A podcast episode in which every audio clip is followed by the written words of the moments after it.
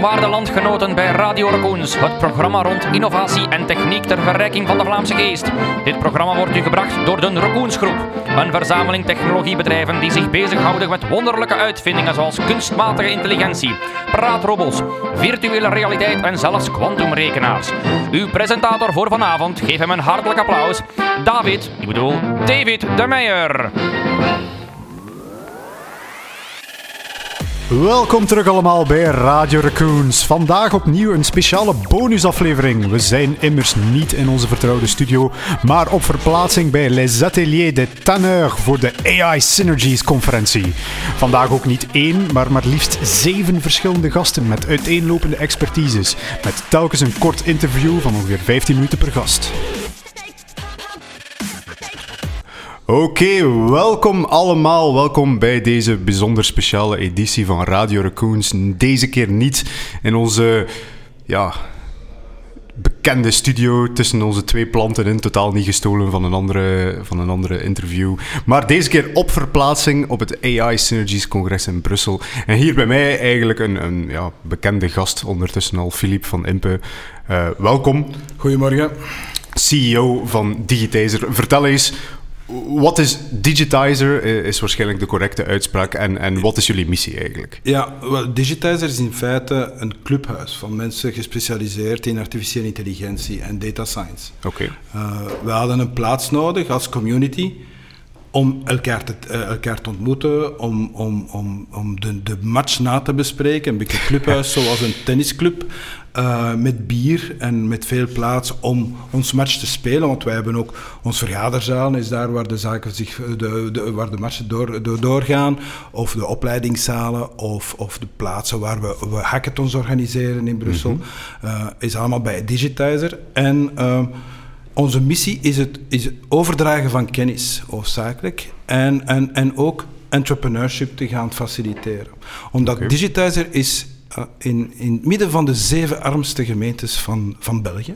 Mm -hmm. En om de jeugd die, die, die, die rond Digitizer woont te gaan motiveren, uh, uh, is, kunnen we het enkel nog doen met, met entrepreneurship. Ze doen al entrepreneurship, maar dat is niet altijd op een legale manier.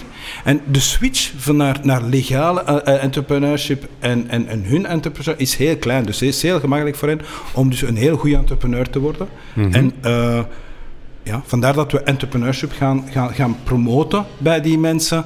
En dat is dan ook onze sociale opdracht die we hebben bij Digitizer. Oké, okay, um, maar dus entrepreneurship specifiek gericht rond AI en data science? Nee, niet noodzakelijk. Oké, okay, in de brede zin. Het moet in brede zin zijn, uh, maar entrepreneurship wordt serieus ondersteund door technologie. Ja. Dus daar waar wij als data science community hen kunnen steunen met technologie, gaan we dat ook okay, doen. Oké, okay, ja. En, en ja, je, je, noemt het zelf een, een clubhuis hier in, uh, in Brussel. Nu, ik heb, ik heb zelf ook al eens een uh, rondleiding gehad bij jou in het gebouw. Het is toch wel een behoorlijk uit de kluiten gewassen clubhuis geworden uh, uiteindelijk. Een, een, prachtig gebouw waar, waar ondertussen ook al enkele start-ups in, uh, in Ja, we hebben een twintigtal, een twintigtal start-ups die aanwezig zijn. Uh, we bestaan nu al twee jaar. Op 19 december gaan we onze, onze tweede verjaardag vieren. Oké. Okay. Um, en over die twee jaar hebben we ongeveer een 210 uh, jobs gecreëerd. Rechtstreeks of onrechtstreeks. Door ja. mensen op te leiden, ze in contact te brengen en dat soort zaken. Je moet weten dat, dat uh, Digitizer uitsluitend draait met mensen die daarvoor geen opdracht hadden. Dus geen job hadden. Dus de mensen okay, worden allemaal ja. opgeleid. Dus onze finance manager kende niks van finance. Onze event manager kon goed eten maken, maar, maar, maar de organisatieaspecten heeft zij allemaal bijgeleerd. Dus wij leiden mensen op en uh, om, om ze nieuwe skills bij te, bij te brengen. En dan uh, hopen we dat ze lang blijven bij ons. Maar als ze willen doorgroeien naar een andere job, zijn ze natuurlijk welkom. En, en, en het is zo'n een constante rotatie van mensen die een nieuwe job aanleren. Ja, nu dus enerzijds artificiële intelligentie heeft een beetje de slechte naam, onterecht zullen we misschien wel zeggen dat het, dat het de, de, de jobvernietiger wordt van de, van de toekomst. Maar tegelijkertijd zetten jullie ook wel heel sterk in op, op opleidingen enzovoort. Dus ja. zie je dat eigenlijk als, als de oplossing voor het, het, ja, het snel veranderende landschap van werken en van jobs? Maar, om... mensen levenslang te laten bijleren? Wel, ons, on- onze taak is mensen overtuigen dat het probleem bij hun is. Ehm, de- dus vandaag de dag moet je zelf je eigen carrière in handen nemen. En de- nog nooit is kennis zo gemakkelijk toegankelijk geweest als vandaag. Absoluut. Maar, en we willen hen daarbij begeleiden. We gaan hem daarbij begeleiden door hen aan te tonen welke e-learning eh, cursussen ze kunnen volgen, maar ze dan ook uitnodigen regelmatig om die cursus te komen bespreken of gewoon een pint te drinken aan onze toog. Eh, eh, dat aspect van remote leren in groep via, via een forum en dan elkaar aan, eh, ontmoeten één keer per week, werkt enorm, enorm goed. Ja. Want die, die, die, die, die, die, die motivatie die je hebt onder elkaar, het feit dat je elkaar nog iets kunt bijleren, is heel motiverend voor die mensen. Oké. En ik zie hier op mijn eh, kleine fact sheet hier dat je al sinds 2014 bezig bent met de AI en data science community. Nu, het, eh, ja, dat klinkt niet zo lang voor veel mensen, maar in AI-termen toch wel aan de vroege kant, zeg maar. Ja, Eh, we- we- wat heeft u eigenlijk geïnspireerd en, en hoe heb je dat landschap nu zien veranderen de afgelopen vijf jaar? Ja, dat, wa- wat ons inspireert op dat moment. Hey, je, je bent altijd op zoek naar de next big wave. Hè? Ja. Eh, en je blijft luisteren naar wat is nu de next big wave. En op een zeker moment kwam dat artikel uit van, van McKenzie zeker. Die zei van, sexiest job in the world. Als dat geen toffe next big wave is, dus daar wil je gaan meedoen. En dan hebben we gemerkt dat daar weinig informatie over beschikbaar was. En hebben we dan Meetup ontmoet, eh, ontdekt. Meetup.com, waar mensen bij elkaar komen. En door mensen bij elkaar te brengen, hebben we dan gezien dat we dus veel sneller aan kennis konden geraken. En dat die kennisdeling veel sneller ging. En dat is dan de geboorte geweest van, een, van de data science community, die nu meer dan 4000 mensen telt. Ehm, en die, die man, we hebben al meer dan twee, twee, 200 events gedaan. En we zitten in Gent, in, in, in, Luik, in, in, in, in Leuven, in, in Louvain-la-Neuve. We zitten in, in alle universiteiten. Ehm, ja, mensen bij elkaar brengen om over een thema te bespreken, is wat, wat er vandaag heel goed werkt. Ja, en om nog even in te pikken op die kennisdeling. Ik, ik krijg het soms moeilijk uitgelegd aan de gemiddelde CEO dat de, de technologie waarmee dat wij werken, dat is technologie die ontwikkeld is door een grote tech-gigant zoals Google, zoals Facebook, en dan gewoon gratis wordt beschikbaar gesteld. ik, ik, krijg dat, ik krijg dat soms moeilijk uitgelegd. Sommige CEO's kijken naar mij van, wacht, daar zit een of ander addertje onder het gras of zo. Eh, zie, zie jij dat eigenlijk als de, de voornaamste drijfveer achter, achter de snelheid waarmee dat het vandaag de laatste, eh, waarmee dat het de laatste tijd allemaal zo vooruit gaat, namelijk dat die kennis zomaar, die, die wordt niet binnenshuis gehouden, maar zomaar op straat gesmeten bijna. Ja, de, de, de, de software op zich, dus open software, is beschikbaar over, eh, dus is heel toegankelijk. Hè? Is ook gratis toegankelijk. Ja. Eh, steunt op, op, op, op dynamisme van, van mensen. Het is echt grassroots, mensen om die software te ondersteunen. Dat is een klein verschil met de, met, met, met de, de, de klassieke giganten. Ik heb het echt over de, de, de, de, de andere platformen zoals Python en, en R en dat soort zaken. Ehm, en het feit, het feit dat, die, dat, die software vandaag beschikbaar is, het feit dat je, dat, dat, je ook kunt leren hoe dat je dat kunt gebruiken, via, via een community, via Meetup en dat soort zaken, maakt de zaak wel heel, heel, heel, heel, eh, eh, heel toegankelijk. ja, zeker. Ik denk, als je kijkt, eh, als je kijkt, laat ons even 150 jaar teruggaan. Als je 150 jaar geleden succesvol wil zijn, dan moest je kapitaal hebben. Ja. Je moest land kopen, je moest een soort tractor kopen, je, moest, je had heel veel kapitaalkracht nodig om, om, om, om succesvol te zijn. Vandaag zit de kracht in, in het humane, in, in de mens. Ja? En het is human capital die je nodig hebt. En je tools zijn gratis beschikbaar. Ja. Ja? De kunst bestaat erin om, om die mensen te motiveren voor, voor een goed tool. Hè? Dat is de, eh, en, en, en daar slagen wij in Europa heel goed in, in België ook, om dus op een gezonde manier die, die, die start-ups eh, op, op, op te zetten en van die mensen te doen werken voor een echt, echt, eh, voor de maatschappij in het algemeen. Ja, oké. Ehm, ik kijk eventjes naar Michiel. Hebben we nog, hebben we nog wat tijd? Alright. Uh, nu, de data science community die um, doet veel voor elkaar. Uh, in jouw mening is er iets wat, wat wij in België, wat België zelf misschien nog zou kunnen doen om dat AI-landschap, om dat data science-landschap wel, mijn, mijn, mijn, oproep vandaag is, is, is naar de bedrijven toe. Okay. Mijn oproep naar de, we zien dat, dus de, de dat het geen zin heeft om te wachten naar wat Europa gaat doen of wat de regering gaat doen op federaal of op regionaal vlak. Mhm. Het zijn de bedrijven die de, hun verantwoordelijkheid moeten nemen. Ja? Uh, kijk even hoe dat in Frankrijk heb je een paar grote families, waar dus die, die, die grote families enorm veel geld hebben ingezet op technologie. Okay. Vandaag de dag, de Koroyd-familie en de andere grote, die, die, zijn, die komen over de brug met wat financiën, maar die, die, die gaan niet de helft van hun, van, van hun fortuin uh, op tafel gooien om, om aan nieuwe technologie ontginning te gaan doen. Ja. Hetzelfde met onze grote, uh, onze grote bedrijven. Uh, een, een, een, Electrabel of, of, of, een Proximus of een Telenet.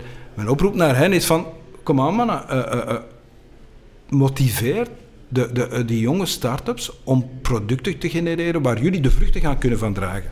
Ja? Uh, het is gemakkelijk en kost niet veel, vergeleken met andere investeringen. Vergeleken met, met een, een bijkomende antenne te gaan plaatsen in, in, Wallonië ergens, of, of, of in West-Vlaanderen dan. Uh, uh, die kost vergeleken met, met, met, met een twintigtal jonge mensen te gaan te, te, te, voor zes maanden te gaan financieren, zodat ze iets kunnen in, iets kunnen bouwen, is, is bijna niks. Dus mijn oproep is naar de bedrijven toe, is van kom even over de brug, investeer in start-ups en motiveer die jonge mensen. Kijk, als co-founder van een jonge AI-startup kan ik die mening alleen maar onderschrijven. Die 50 euro krijgen we straks onder, ta krijg je straks onder tafel, Philippe. Uh, kijk, daarmee zitten we ook op, op ons kwartiertje. Ik denk dat de volgende gast al uh, aan het wachten is. Philippe, ik wil u heel hard bedanken voor uw komst hier in onze tijdelijke studio. En uh, ja, hopelijk tot binnenkort. Hè. Ja, en aarzel niet om ook eens bij Digitizer binnen te springen. Voilà, er, zijn, er, is daar ook een studio die jullie kunnen vrij gebruiken. Dus maak er gebruik van. Alright, bedankt.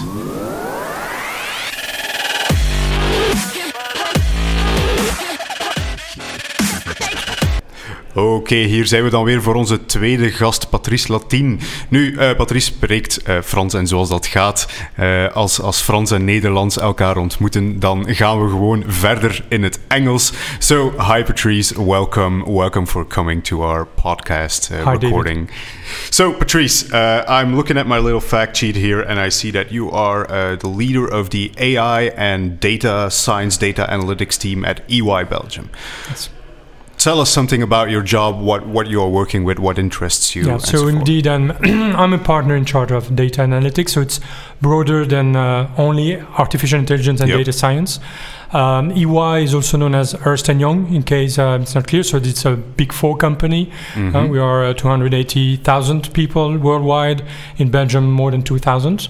Um, my core business is uh, indeed for 20 years um, in the field of machine learning, artificial intelligence, but also data warehousing, big data engineering, Okay. uh, data governance, data quality. And I built up the team uh, within EY the last five years. So uh, when I joined EY five years ago, I actually, actually uh, built up and grew the, the team. We are now more than 70 uh, specialized consultants in the field of data analytics within Okay. Belgium, only working for financial services for the moment, uh, focusing on that industry, but Mhm. uh, broadening that expertise in other markets as I used to, to work in many other sectors in, in my past. All right. So I see that you also have a PhD in Yeah. artificial intelligence and machine learning. So that pretty much tells me that you've been working on artificial intelligence for longer than most of us, I would say. Uh, probably, yeah, I'm, a, I'm an old guy, 45 years old, but indeed, uh, I was in the Artificial Intelligence Institute of uh, Hugues Bersini, who's Mhm. quite famous. huh? Uh, actually, I was his uh, PhD student 20 years ago, Yep. and I was a lucky person because it was the moment of the emergence uh, of multiple classifier systems. Okay. and I was in uh, the very first in Europe to develop the random forest actually. All right. So uh, Leo Breman was publishing this in US, but is far more famous than what I am, especially. but actually, if you would read my, my PhD, it's very similar, combining Okay. bagging and then random features in decision trees, following the job of another famous uh, researcher and now a professional in the field, Thierry van der Mecht. Yep. And I developed that and complementing random forest at that moment in time, 20 years ago, with uh, the revision of the uh, probabilities, the output probabilities of neural networks Okay. and possibly random forest and uh, XGBoost. I mean, it was not XGBoost, but ADA boost and other gradient boosting techniques, and obviously logistic regression, but correcting these probability uh, probabilities when the data sets were unbalanced. So it was a second aspect of the PhD, and then it was applied because it was from polytechnical schools, applied in the remote sensing area, so classifying satellite images.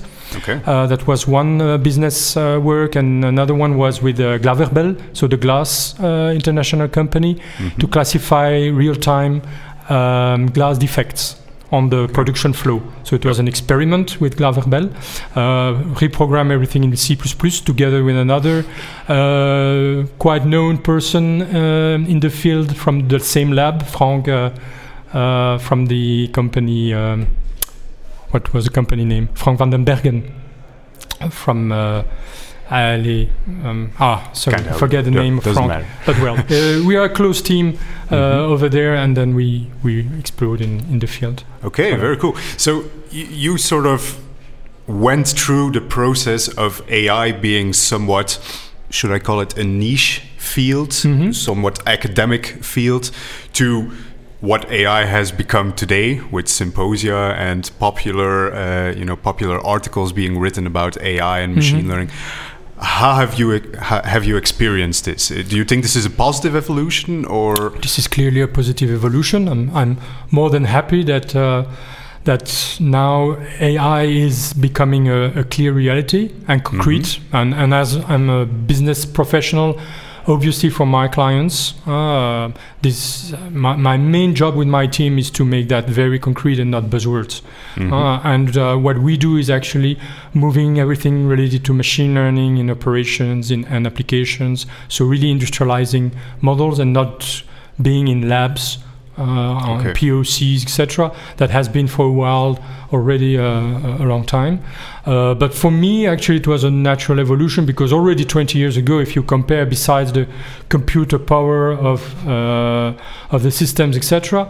But we already did more or less the same what we do in um, even most fancy applications nowadays Yep. in natural language processing, in streaming data, doing analytics like the, the glass defect detection was real time with master and slave systems already 20 years ago.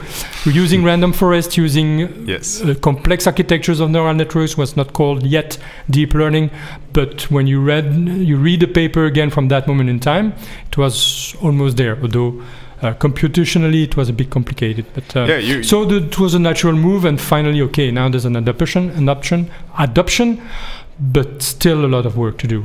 yeah, exactly. So you, you sort of hear that a lot, right? Um, from AI veterans, the techniques that are around today Mhm.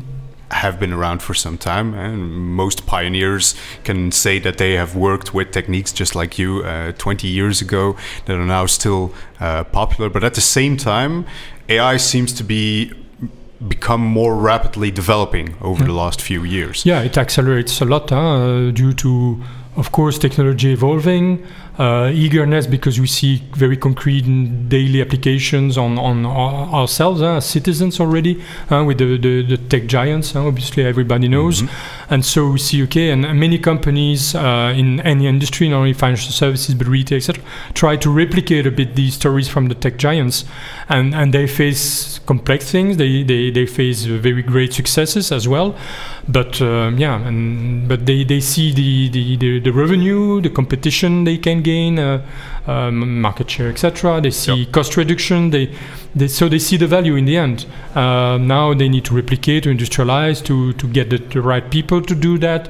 They, they, they are facing uh, complexities in putting in production to maintain because it has still a cost to maintain. So, and, and they still need to evolve in their business. So, uh, whatever the company uh, and whatever the industry. So, yeah, still a lot of challenge, but a lot of attention because it's real. It's more real than before Yeah. for the, So the people, I- more I- understandable.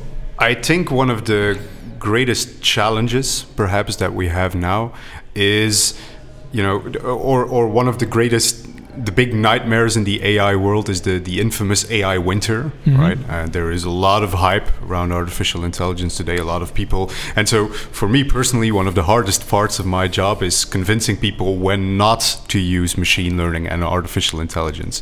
We've had people Exactly. with no data whatsoever uh, telling me, like, no, no, no, it needs to be a machine learning system so it can learn and stuff like that. Are we once again in danger of moving back to the AI winter, of, of failing the enormous expectations that we are building up now? Or do you think that we can go on for some time now, that the techniques that we have now can be further explored, further improved for some foreseeable future? There are different dimensions, according to me. Um, um, obviously, there's a there's also the the, the fear, uh, the the trust, um, Mhm. because there's a lot of magic. People believe there's some magic, and Mhm. again, if we reflect the way to implement machine learning and AI systems, and even the most complex ones, how do you develop that? There's no big difference, but it goes faster technologies, platforms in the cloud or not are, are there to accelerate, to iterate more in the model delivery, the training of the models, the testing of the models, the deployment of the models. So everything accelerates, but basically each activity individually is the same to some extent. Okay. But still, the risk of this acceleration is also potentially say, do we still master things? And as it accelerates, it goes to complete automation of the end-to-end process. And of course, you say, do I still have a hand as a human on, on the machine that learns from my data, that even learns on its own, with, even without any data in some use cases? So there's this this trust that that that needs to be there to be able to adopt further and to continue adopting uh, more use cases in, in, in with AI systems and machine learning models, however they are in, implemented. Yeah, I think it's it's interesting that you mentioned the word trust um, because I believe that has been one of the most interesting developments in the world of AI in the past year or 2 Mhm. Let's say uh, Exactly. the the concept of bias in data, uh, the concept of explainability in Mhm. artificial intelligence, both have become somewhat hot topics, uh, and I always say that it is. Uh, part of the growing up process of Yeah. artificial intelligence. First, we had the enthusiasm, use AI and machine learning for everything that we can get our hands on. and on fail a lot. and fail a lot, exactly, somewhat spectacularly sometimes. And now we are in the phase of, of you know, you, you're starting to grow up, you're starting to think about what you are doing. And now we are sort of seeing like hmm, maybe it's time to start thinking about how to be responsible yeah, with data and with artificial intelligence. exactly. That's the topic of my, my presentation today. Um, Okay. That's about the trust in AI, how to really ask ourselves the right questions uh, and companies the right questions about uh, social responsibility, ethics, accountability, uh, for instance, are key questions. Say, uh, like I, I will say during the presentation, we need to to to teach AI like parenting a child. So it's a child you you he or she learns tasks etc but it's also in a given social context in in some ethics that you need also to Yep. teach it's more or less the same for an ai system that we need to put in place by design or or, or, or given gateways in the development how we can actually master the ethics aspect of it, the, so the, the fairness, the interpretability of the model when it needs to be, um, the- how we deploy, who is accountable for the delivery, for the development. Is it only the data scientist? Is, is it uh, his or her manager? Is it the, the, the end client? There's a multiple questions about that, and we need, and especially in a regulated environment where I work for banks and insurance, um, we absolutely need to to demonstrate or to to give some proof that if we can start explaining and mastering techniques in bias, for instance, or interpretability, then people, especially when they have these regulatory uh, questions on, on top of their, their head, they say, mm, then the black box is less a black box. huh? And the, the improvement that, or the, in terms of accuracy and robustness that, for instance, random forest or gradient boosting can provide in comparison to more linear models, uh, logistic regression, etc. Say, mm, okay, we understand the, how the data can be ingested, we understand the, the algorithms, we can understand the output. We master the design of this system, we master the so the, the, the way we deploy the, the tool, the new tools, uh, open source, etc. Okay, we are fine, but we are not there. There's a multiple questions about that. Uh, guidelines from the European Commission now uh, for a couple of months already that try to inspire and to, to guide companies, companies like mine and many others, probably yours as well, uh, trying to educate people to say, okay, what do we need to do? But it has a cost. There's an overhead on top of that, and our comp- most companies are not really eager to say. But actually, it takes a few days, a few weeks to develop a model. Why should I I additionally create additional statistics, visualization about we do before, during, and after this machine learning development? That's yeah, that's the cost. Yeah, but before, yeah, but it depends on the use case, and the use case of today are more complex and require such additional cost.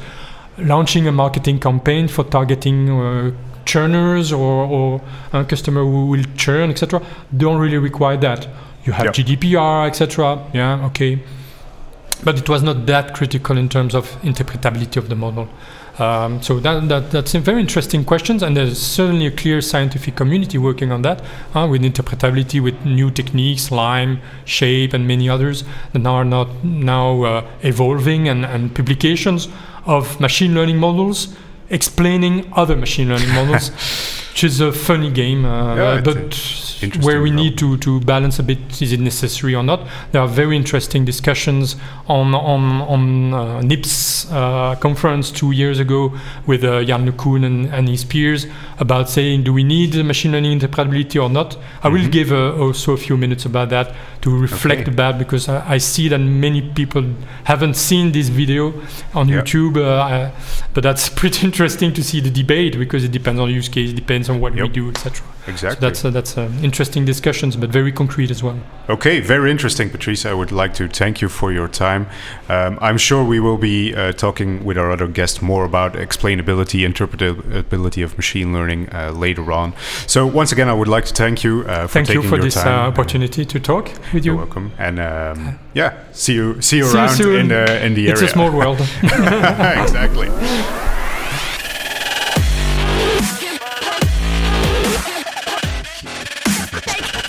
Oké, daar gaan we dan. Derde gast, dag Reiner.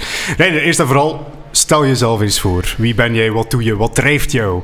Ja, ik, eh, ja, mijn naam is Reiner, zoals je zegt. Maar ik ben, de, eh, ik ben verantwoordelijk voor de oplossingen bij Cognitive Affairs. Oké. Eh, dus ik kijk naar de, meer de zakelijke problemen, maar dan ook vertaal die naar zeg maar echt technische oplossingen die kunnen worden geïmplementeerd door onze, onze medewerkers. Dus eh, ja, op mijn businesscard staat CTO, maar we zijn eh, een scale-up, Ja. dus ik doe van alles. Oké, we, we zitten in een eh, redelijk gelijkaardige rollen, denk ik nou zelf. Ja. Ik, ik doe ongeveer hetzelfde bij BrainJar. Nu, Cognitive Affairs, vertel daar eens wat meer over. Wat, wat, ja, wat doet Cognitive? Affairs. Ja, wij... ik, ik heb al een tijdje gezeten in het veld van AI. En dan met name eh, Natural Language Understanding. Oké. Speech transcription, speech synthesis. En eh, heb dat eh, de hele wereld overheen gedaan. Ehm, ja, samen met mijn partner, mijn partner Roland hebben we na een tijdje gezegd... hey, we moeten misschien niet meer voor iemand anders doen, maar in ons eigen bedrijf. Oké. En dus Cognitive Affairs houdt zich bezig met bouwen van intelligent virtual assistants. Dus van een, zeg maar een chatbotje tot een eh, speech interface voor, een, eh, voor echt eh, voor belletjes. Dus voor, van een telefoon naar, een- naar een merk toe, inbound, outbound. en dit als echt als volledig geautomatiseerde eind-tot-eind interactie. Ja. Dus chatbots met een beetje extra. Intelligent virtual assistants als je, als je met de buzzwords wil gaan. Oké, cool. Ehm, nu, het is een interessant jaar geweest, vind ik persoonlijk. eh, zeker voor de natural language processing wereld. Eh, Ja. nu, nu wij zelf zijn ook met een documentverwerkingsapplicatie gekomen. Net omdat wij zagen van... Ja, de, de technologie begint nu toch wel heel snel Ja. matuur te worden, denk ik zelf. Hebben jullie dat ook zo ervaren, eh, de Ja. ontwikkeling in het afgelopen jaar? Ja, wij. er was, een tijd, en we hoeven niet te, te diep te gaan, maar NLTK was er nog. En eh, ja, Raza twee jaar geleden of zoiets eh, vonden we helemaal niks. Eh, hadden ook heel moeilijke problemen. Rabies was, was een ding. Maar ja, we hebben gezien dit jaar was echt, ook als je naar de publicaties kijkt, is gewoon echt een, echt een explosie van, van, van technologieën, aanpakken, en manieren hoe je dingen kan doen. Dus we ook de, zeg maar, hoe je deze dingen bouwt, onderhoudt, ook eh, hoe je over resultaten spreekt en, hoe je deze eh, inzichtelijk maakt voor mensen die niet technisch zijn. Daar is echt heel veel gebeurd dit jaar. En ook aan onze kant. eh, ons product is... eh, ik, eh, soms denk ik, wauw, wat is er gebeurd? maar ja, 2019. Oké. Nu, binnen de Raccoons groep zijn wij zelf ook bezig met chatbots, virtual assistants. We hebben ook ons eigen platform daarin, Oswald. Nu, voor ons is dat ook wel, is, is ja, 2019 ook wel een beetje het jaar geweest waarin, hoe moeten we het zeggen, eh, chatbots matuur Ja. zijn moeten worden. Zeker. De hype is voorbij. Eh, De, je, je gaat het niet meer halen. Eh, vroeger kregen we wel eens een aanvraag van... Bouw ons een chatbot. Het maakt eigenlijk weinig uit, maar Ja. we willen een chatbot. En vandaag de dag beginnen, zien we toch dat de mensen meer beginnen nadenken over... Wat willen mensen? Hey, Ja. Wat willen we precies dat die chatbot gaat gaan doen? de- we hebben hetzelfde. Ehm, kijk, anno 2015 of zo kwam ik nog maar bij een klantje die dan riep... Iets met AI. ja, nu zou ik daar gewoon eh, waarschijnlijk van weglopen. En zeggen, Ja. hey, doe, maar, eh, doe maar misschien eh, even een beetje fact-finding... en kijk wat er echt belangrijk is voor jullie organisatie. Wat, Ja. wat, wat los- lossen we eigenlijk op? Maar dan nu is het echt dat klanten die willen echt weten waarom. Waarom doen we, wat doen we en hoe doen we het? Ja. Dus eh, als je dat waarom niet aan beantwoordt, dan zit je heel vaak in een, eh, zit je heel vaak in een, in een proof of concept. Er is wel ruimte voor proof of concepts, ook voor ons. Maar als je dan naar kijkt, is proof of concepts die zijn vaak budgetfinancierd. Ehm ze zijn vaak in een, eh, in een lab-omgeving. Mhm. En dat is, dat is niet waar je adoptie krijgt, waar je waarde creëert. Maar het is, is echt zo'n, zeg maar, staat een beetje buiten. En ik vind dat het sinds in 2019 is, zeg maar, de, de, de hoe noem je dat, de kennis van de business een beetje verbeterd. Ten opzichte van wat kunnen deze technologie betekenen voor deze mensen. Er zijn heel veel cursussen waarschijnlijk die jullie ook eh, geven. Of, of eh, bedrijven zoals jullie. En ook waar de consultants nu hun slide decks een beetje hebben aangepast om eh, te zeggen... hey, eh, dat kan daarmee. Dus eh, de mentaliteit bij de business is nu echt weer een business mentaliteit. Niet iets met AI, maar echt... Dat is mijn doelstelling. En dan is het niet een chatbot, maar dan is ah, maar een chatbot kan helpen. Maar misschien moet je ook een anomaly detection ding hiervoor bouwen. Of eh, je moet een, eh, een nieuwe soort van risk assessment pakken. Ehm, dus het is ook niet meer dat de klant je nu zegt: we willen maar iets doen wat iets met taal doet. Of iets wat iets in een Facebook Messenger doet. Maar ze komen echt met: waarom doen we dit? Wat gaan we doen- gaan doen? En hoe? Hoe, hoe beginnen we? Hoe gaan we ervoor zorgen dat dit gaat worden geleverd? Hoe kom je in adoptie? En adoptie is heel vaak dan buiten budgetten wil je eigenlijk meer op een profit and loss-achtige pad zitten. Ja. Eh, weet je, waar je echt iets eh, toevoegt aan de top of bottom line. En waar je echt wil, wil, wil zorg dragen dat, eh, dat deze oplossingen echt een nieuwe soort van customer experience creëren. Nou, wij komen natuurlijk uit de customer experience, dus, eh, maar dat geldt volgens mij voor alle AI-technologie. Die moet echt mensen diensten verlenen. En moet mensen werk beter maken, makkelijker, mooier.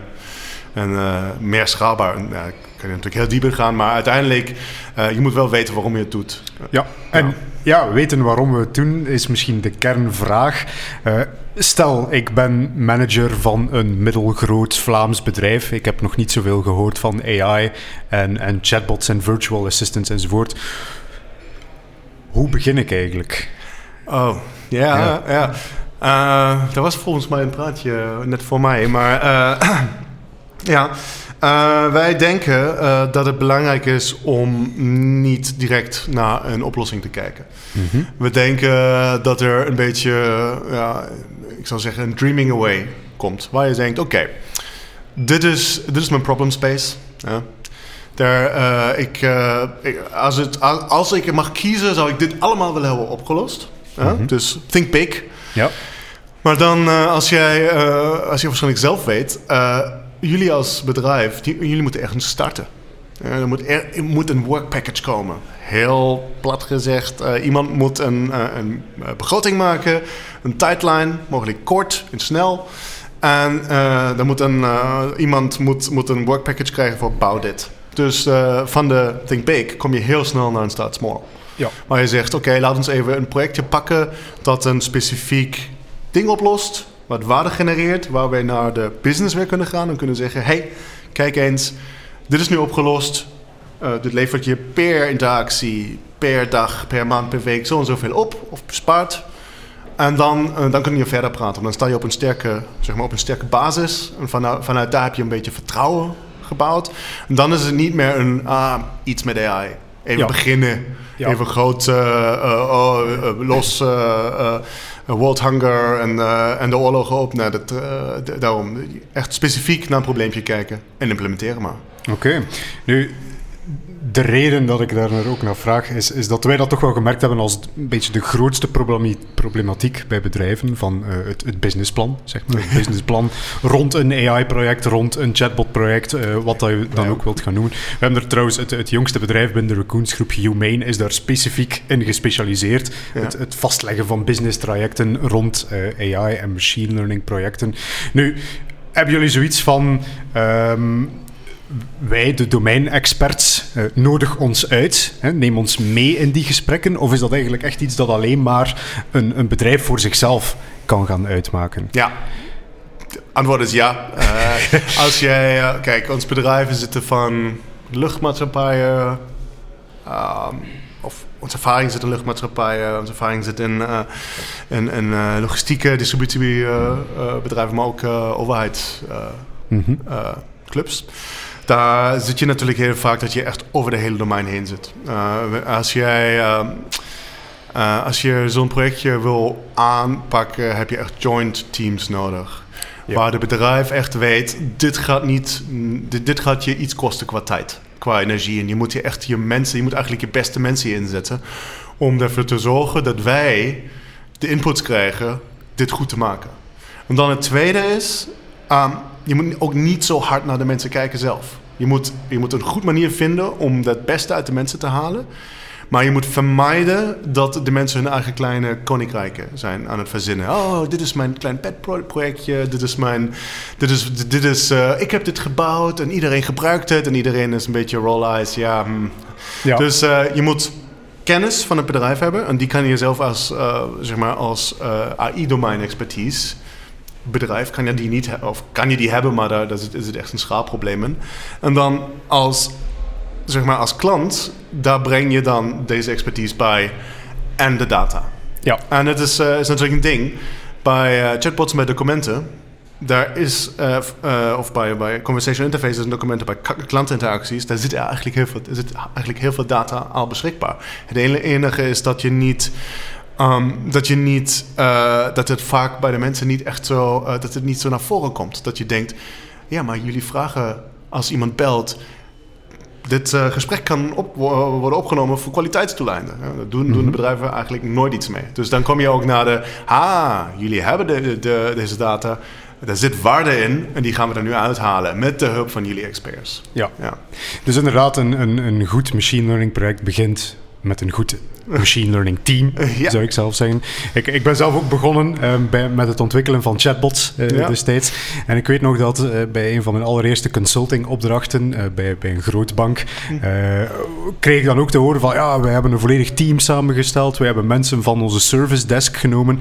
En ik weet nog dat ik toen dacht van ja, ik zal het wel weten, zeker. Ik, ik maak chatbots, dus ik zal de chatbot wel kunnen maken. Maar dan achteraf ook wel geleerd van ja, die mensen van die service desk waren de meest handige mensen die daar in heel dat team aanwezig waren. Want die wisten exact wat voor soort vragen dat de mensen stelden, op welke manier dat ze die vragen gingen gaan stellen enzovoort. Dus dat is voor mij dan toch persoonlijk een hele eye-opener geweest om te gaan zien van, ja... En voor de mensen zelf. Wij hebben dat, uh, kijk, um, in de case die ik heb hier, heb gepresenteerd, daar gaat het om een uh, callcenter met 500 seats. Okay. In dat callcenter, uh, nou, er zitten natuurlijk heel veel studenten, tijdelijke werkers. Uh, het ding is, uh, klantenservice is geen carrière. En als je naar, naar klantenservice als, niet als carrière kijkt, nou, daar kom je, met, kom je heel veel dingen tegen. Churn. Nou, die mensen, die, het het duurt een tijdje, dan zijn ze opgeleid en dan blijven ze nog maar drie maanden. Ja. Heel lastig. Ehm, ik denk, behalve de businesswaarde, behalve het leveren van mooie, eh, waardevolle customer journeys, al dat, levert dit ook iets aan de, aan de, aan de bedrijfskant. Aan het employer branding, ik weet niet hoe het anders zou moeten noemen. Maar ehm, als je deze medewerkers een kans geeft, niet alleen maar, als, zeg maar als, eh, om ze te melken, om hun kennis eruit te halen, maar ook om een kans geeft om een, om een, om een plek te hebben in je oplossing, dan, wordt het, dan, dan, dan kunnen ze zelf ook verbeteren, ontwikkelen naar Zeker. een, ja, er is geen woord voor, maar misschien een AI-trainer, chatbot-trainer. Iemand die je structureel gebruikt om je processen bij te werken. En dan, of iemand die je structureel gebruikt om je intenties te, eh, intents te labelen, je entities eh, eh, eruit te zoeken en ook de, de kwaliteit te waarborgen. Je hebt natuurlijk minder mensen nodig. Ja. uiteindelijk. Ja, je hebt minder mensen nodig, maar de goede mensen. Ja, hun zou ik echt de kans te geven om dit echt in een, te, te, te pakken als kans om eh, een, te, een eh, 21, eh 21ste, 21st century eh, job daar te maken. Ja. Niet meer het telefoon maar oppakken, maar jij bent ook de collega van je virtuele collega. En je helpt je virtuele, eh, virtuele collega beter te worden. Voor jezelf en voor je klant. Ja, absoluut. Ik, ik zeg vaak, ik geef ook nog veel opleidingen aan klanten, ook aan lagere, middelba eh, middelbare en hogere scholen. Eh, en daar, daarbij geef ik eigenlijk het advies van, word niet zozeer programmeur, Nee. eh, maar leer programmeren en neem dat mee in uw job. Ja. Eh, de dokter, de advocaat, die kan programmeren, Ja. die weet wat AI is, die weet wat machine learning is, die kan heel wat geld gaan verdienen. Ja. Want die weet exact waar de problemen liggen en die weet ook hoe dat de tools in elkaar zitten om die te gaan... eh, Ja, dat is, is ook een rol die vaak echt heel hard wordt onderschat. Dat je echt iemand nodig hebt die vertaalt. Die echt vertaalt tussen je programmeurs, je data scientists. Echt om, om iemand te hebben die in staat is. Hey, eh, dit is wat je wil omdat. En dit is wat we willen omdat. Ja. Eh, anders eh, anders heb je programmeurs die horen één ding. Dan krijg je een ding. En dan je hebt businessgebruikers die dachten... maar ik dacht, ik heb dat verteld. Ja. Dit is wat ik wil. en dat wordt snel een dure grapje ook weer. Ja, Dat is waar. en eh, ja. Zo, zo zie je maar, Reiner, dat er nog altijd heel veel waarde is voor mensen zoals wij die de vertaalslag maken tussen Ja. business en de technische. Ja. Onze tijd zit er alweer op voor vandaag. Kijk, de tijd vliegt when you're Bedankt. having fun. Eh, bedankt om te komen. En eh, ja, kijk, op naar de volgende gast zou ik zeggen. Bedankt. Reiner. Bedankt. En succes. eh, dag. Ja.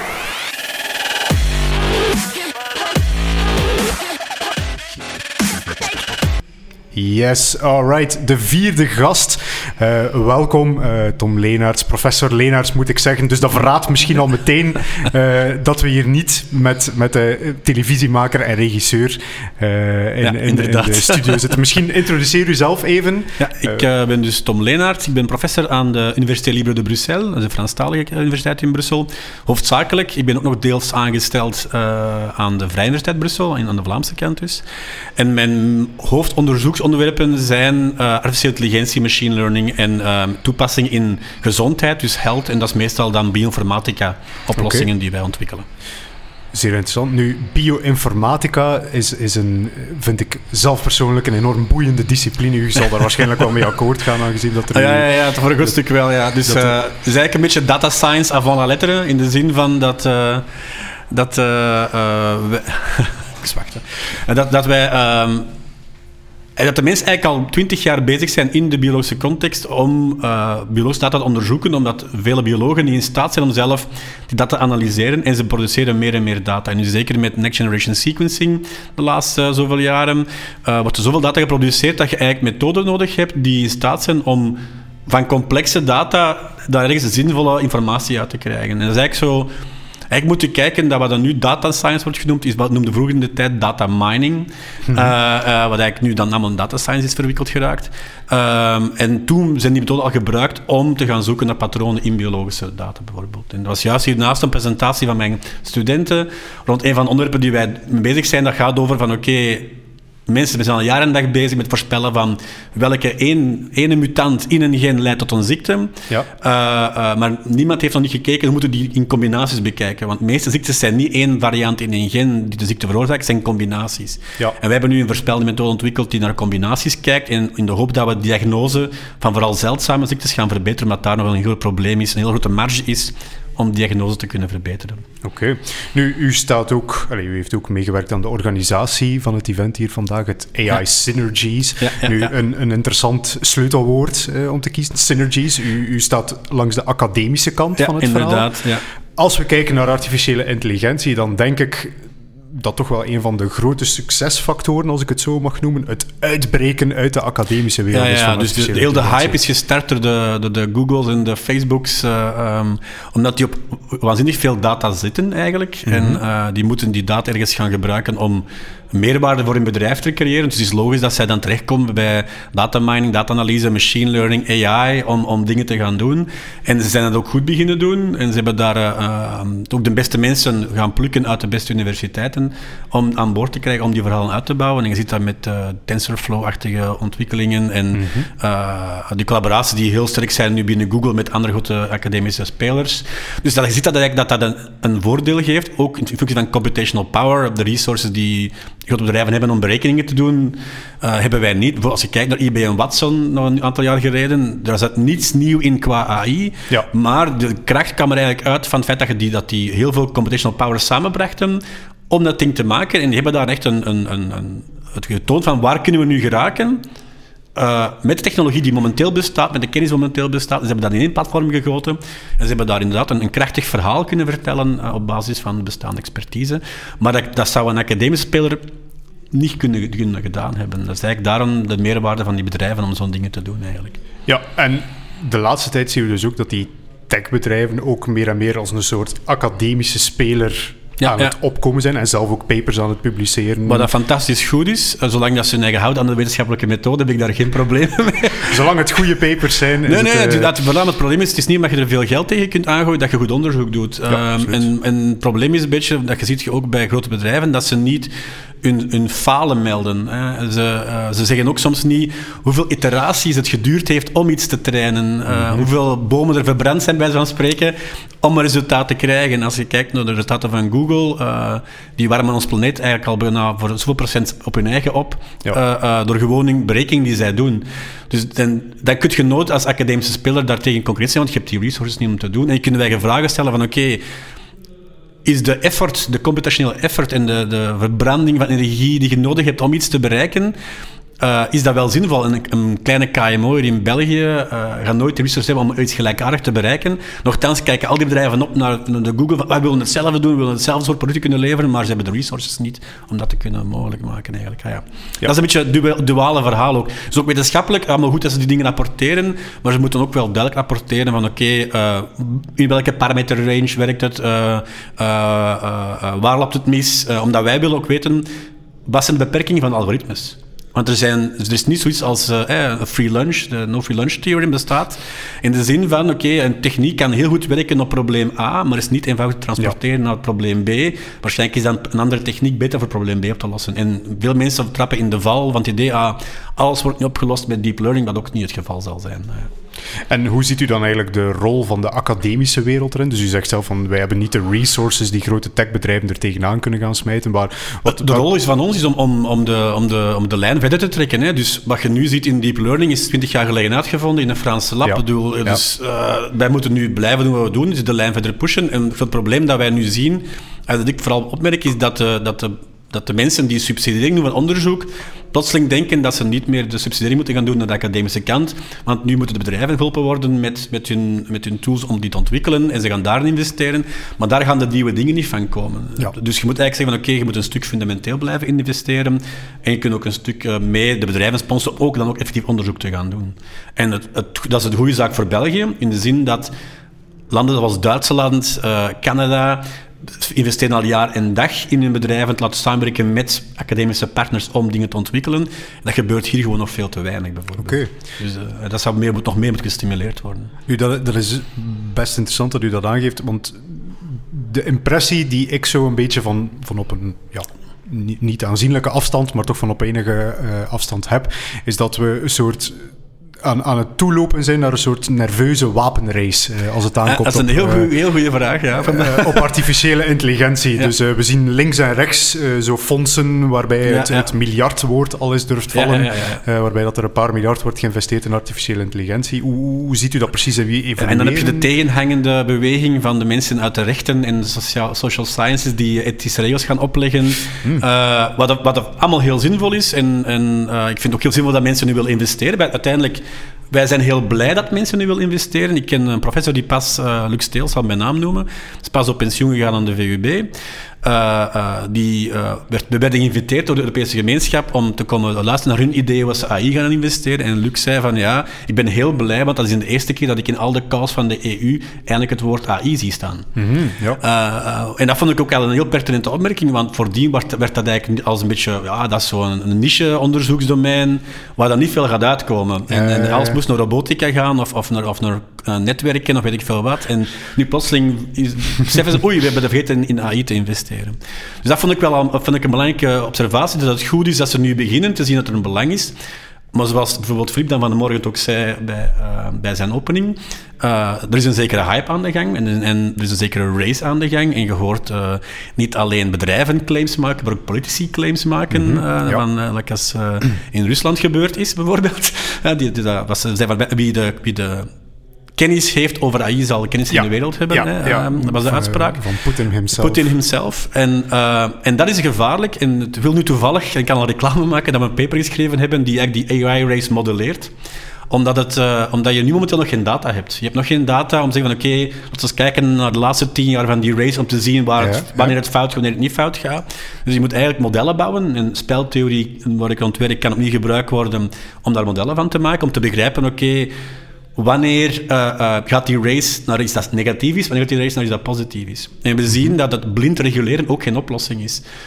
In ons model zien we bijvoorbeeld dat ehm, enkel bepaalde omstandigheden een conflict is tussen wat dat goed is voor iedereen en wat, en wat dat goed is voor iemand persoonlijk. En daaruit gaan we van het idee van als iets goed is voor iemand persoonlijk, is dat niet goed voor de rest. Ja. En we zien dat eigenlijk onder bepaalde omstandigheden van risico dat er iets mis kan lopen en de waarop mensen hun, acties willen doen, eh, dat dat een effect gaat hebben over wanneer je moet reguleren en niet reguleren. Voor andere, andere, andere risiconiveaus en snelheden is de regulatie zelfs nefast, omdat dat eigenlijk de innovatie gaat beperken. En je kunt dat dus aantonen eh, met modellen die eigenlijk, eh, ja, op basis van speltheorie gaan zeggen van oké, onder die omstandigheden, met die snelheid, met die vorm van eh, observatie en controle, ga je eigenlijk dan naar een, een slechte outcome gaan of naar een goede outcome gaan in dat verhaal. Nu, ja, game theory en artificiële intelligentie, dat brengt ons automatisch misschien bij ehm, een, een iets esoterischer aspect van artificiële intelligentie, Ja. namelijk die, die eh, algemene artificiële intelligentie. ja, ja. Eh, eh, Nick Bostrom bijvoorbeeld heeft daar een, een boek over geschreven, waarbij dat hem toch ook wel heel hard focust op het game theory aspect ervan. Ja. En dus inderdaad, u geeft het zelf ook aan, regulatie wordt misschien nodig om catastrofale gevolgen te gaan vermijden, maar tegelijkertijd, de partij die reguleert, is misschien ook de partij die zichzelf afremt tegenover andere partijen die het niet gaan doen. Ja. Eh, dus hoe ziet u dan eigenlijk een uitweg in dit soort scenario? Gaan we allemaal de cliff af gaan racen de komende jaren? Of, of ziet u nog nee, ik denk- ik denk- uitwegen, zeg maar? Nee, ik denk, ik denk niet dat, ik denk dat het climate change probleem een groter probleem is dan, dan AI-probleem, naar mijn mening. Ehm, eh, wat, dat- wat ik wel heel goed vind, bijvoorbeeld een ander boek eh, recent verschenen van eh, Stuart Russell, hè, de fa- famous Russell from Russell and Norvig, Ja, ja. van hun eh, Modern AI Approach. En die eigenlijk oproept tot, tot nadenken in de zin van, oké, misschien is er een fout in onze designmethoden. En ik vond dat een heel goed statement dat hij maakt. Je moet niet volledig akkoord gaan met al zijn punten die hij maakt. Maar hij zei wel van, misschien moeten we eh, terug nadenken en niet meer werken rond het goal-driven AI-idee. Dus, be- dus we zeggen gewoon van, oké, wat moet ons AI-systeem doen? Dat is het doel dat hij moet halen. En je gaat dat doen blind naar whatever, dat er rond hem gebeurt. Dus dat betekent, als jij wilt ingrijpen, dan zeg je van nee, nee, je moet niet ingrijpen, want ik moet mijn doel halen. Ja. En door het feit dat hij zijn doel wil halen, kan dat misschien vast zijn voor de, voor de wereld en voor de, voor de mensen er rond. Dat soort van zaken. Zeg van gewoon, we moeten misschien her nadenken over het feit dat het systeem zelf niet het doel moet hebben, maar, maar het systeem moet zeggen van oké, wat is het doel van mijn gebruiker? Ja. En zich altijd afstemmen op het doel van de gebruiker. Zeggen van oké, doe ik het wel juist? En dan gaat dat systeem ook automatisch vragen stellen van Want er is zo- zeker onzekerheid. Ik ben dat toe aan het nastreven, maar ik ben niet zeker dat dat hetgeen is wat mijn gebruiker wil. Dus ik kan ook terug afchecken met mijn gebruik, is datgene dat ik, dat ik moest doen. Ja. En dat vond ik eigenlijk een heel interessant standpunt, omdat dat inderdaad plotseling eh, niet meer gaat over het systeem moet op zich alles gaan doen. Nee, het systeem doet is samen met de persoon of personen die het systeem aan het gebruiken zijn. Dus je hebt dat coöperatief aspect. En dat vond ik wel interessant. En dat je dat gaat gaan gebruiken om je systeem te ontwikkelen, gaat er misschien voor zorgen dat je niet automatisch eh, die cliff gaat afrijden. Ja. Eh, natuurlijk blijft de vraag van, gaan we ooit een systeem dat eh, algemene intelligentie heeft maken? Ik ben daar nog niet zo zeker van overtuigd dat dat iets gaat zijn dat, op, dat gaat lijken op hoe dat wij werken. Want menselijk, mensen zijn eh, algemene machines. Wij, wij moeten in alle omstandigheden kunnen ageren om te overleven, om, om eh, boter op de, eh, boterhammen op de, op de plank te brengen, om een, te, kunnen schuilen tegen slecht weer. Wij hebben andere, andere doelstellingen dan een machine die een bepaalde taak gaat doen. Dus zolang die, Ja. die machine één, één taak gaat doen, zie ik daar niet echt een, een, een, een probleem in. Die machines zullen slimmer zijn dan ons, omdat, omdat de rekenkracht beter is, omdat wij geen optimale machines zijn. Zo simpel is dat. Dus dat is geen verrassing dat er nu systemen worden gebouwd die op een bepaald probleem veel sterker zijn dan ons. Eh, maar dat wil niet zeggen dat die plotseling ook goed gaan werken op andere problemen. Ja. Dus ik, heb daar, ik ben daar een beetje... Ik, ik, snap dat dat uiteindelijk het doel is van AI. We willen daar naartoe werken. We willen naar een systeem van algemene artificiële intelligentie gaan. En we willen, dat is ons onderzoeksonderwerp in, in, at the. Eh, eh, maar hoe dat, dat gaat, gaat aflopen, dat moeten we nog lang op lange termijn zien. En ik denk dat er nog veel tussenstadia gaan zijn dat, eh, dat, we, dat over dingen gaan reflecteren. En zeker nu is het goed dat we door al die discussies over ethiek, over wat is de toekomst van AI, dat de onderzoekers, maar ook de bedrijfswereld begint te reflecteren van oké, wat zijn we nu eigenlijk aan het bouwen? Eh, en dat op zich is al een goed punt volgens Ja. mij. En ik denk dat we, als- we gewoon common sense blijven gebruiken, en dat is toch een van de belangrijke menselijke eigenschappen, in, in, eh, dat, we, dat we dat wel zullen doen. Natuurlijk, er gaat altijd iemand misschien zijn die zijn boekje te buiten gaat. Hè. Ja. Ehm, je hebt dat ook met ehm, eh, genetische herdesign van, van, van mensen uiteindelijk. Er is nu in China een persoon die dat bij baby's heeft gedaan. Ja. Dat is ver- dat, ik weet niet of het, in, het verboden is ja of nee in Europa, maar er is een zekere ehm, reglementering rond in, in, in Europa. Ehm, eh, dus de vraag is, oké, moet dat wereldwijd niet besproken worden in een, in een internationale context? En ik denk dat dat ook wel aan het gebeuren is en dat er, en dat er ook al discussies over aan de gang zijn. En er zijn zeker wetenschappers in de context van wetgeving daarmee bezig van wat zijn de limieten, wat mag aanvaard worden. Je hebt de high-level group in, eh, voor ethics in AI eh, die erover nadenkt op Europees niveau. Veel andere landen zien wat er gebeurt in Europa rond, rond die ethicsgroep. Die zijn dan, kijk, ah, misschien moeten we dat ook doen. Dus er is een zekere dynamiek aan de gang die, ons, die de mensen doet nadenken. Ja. Eh, of dat we dan ooit geen problemen gaan hebben, dat durf ik nu momenteel niet te zeggen. Maar door het feit dat de mensen al nadenken, vind ik al een belangrijke factor. Zeker en vast. Nu, anderzijds is er ook wel een beetje het, het risico. Ik, ik, ik weet niet waar dat ik het precies weer heel hard benadrukt heb gezien, maar dat was zo. Het, die, eh, ik denk Sam Harris misschien, die heel sterk de nadruk legt op, op het soort lone wolf aspect Ja, dat is van ik bedoel, software. Ja, ja. Eh, de, de programmeur in zijn kelder die Ja, ja, dat is hele ik nacht Red. Bull drinkt. En, en-. Hey, ik, ik, ik, ik, heb zo, ik heb wel eens de grap gemaakt van het is nog wachten op het eerste open source eh, AI drone. eh, ja, militaire drone open source pakket, laat het al zo Ja, zijn. ja, ja, dat iedereen gewoon op zijn drone kan zetten en, en doelwitten kan gaan uitschakelen. Dat kan zomaar opkomen. Ik denk ook niet dat we naïef moeten zijn. Hè. Ik, ik, ga, ik geloof niet dat eh, er geen eh, militaire mogenheden zijn die, die al bezig zijn met, dat, met die zaken.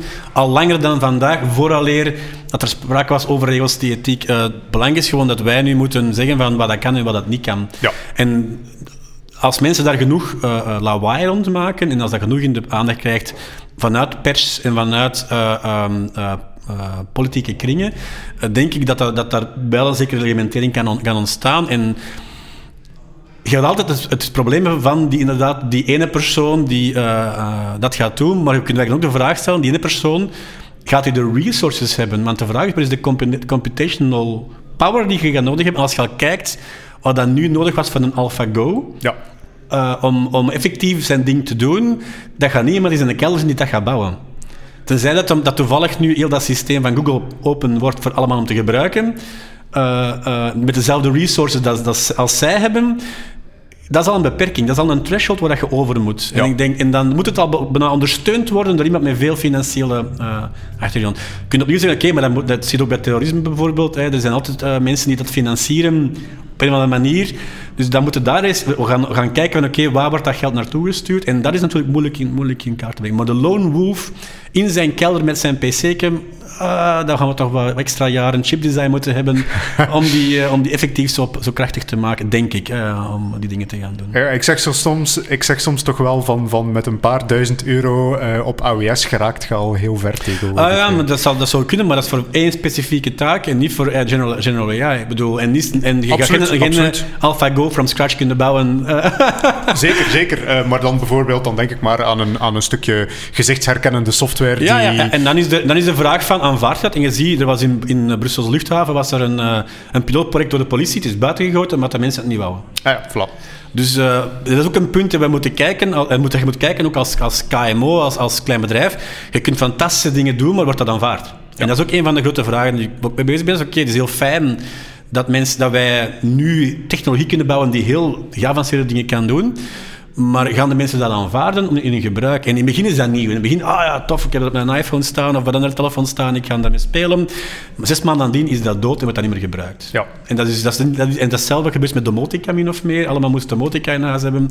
En aan tijd gebruik ik enkel nog voor te klappen en het licht aan te doen, bij van spreken. maar niet meer voor alle andere features die in dat systeem zitten. Ja. Dus ik denk dat dat ook een vraag is die bedrijven zich kunnen stellen. Oké, okay, we kunnen heel ver gaan, maar wat, is de, wat, is de, wat wordt aanvaard? Ja. ja. Er zijn bijvoorbeeld, wat ik heel persoonlijk interessant vind, zijn wat ze noemen collectieve intelligentieprojecten.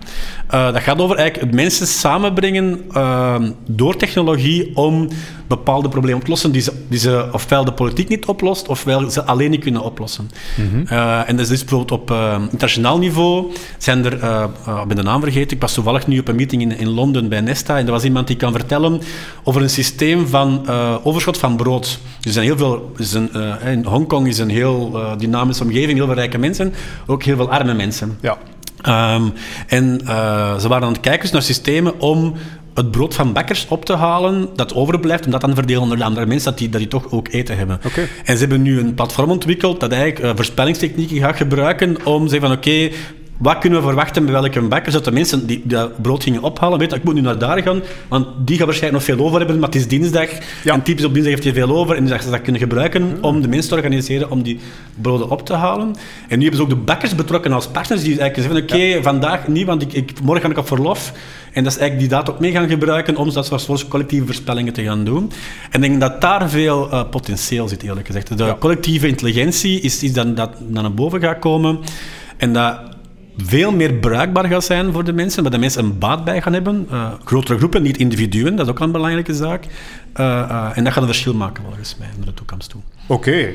zeer mooie conclusie. onze tijd zit Graag gedaan, want er zijn de mensen te wachten, blijkbaar. het, het, hoeft dus niet allemaal militaire drones te zijn. Inderdaad, nee, inderdaad, nee, toch nog eventjes in gedachten houden dat er ook hele positieve aspecten inderdaad, zijn inderdaad. aan technologie. Tom, ik wil u graag bedanken voor uw komst hier vandaag Dank je voor de op, invitatie. onze podcast. Een zeer interessant gesprek. Graag en, gedaan. ja. En succes nog. Tot binnenkort. Dank u wel. Dag.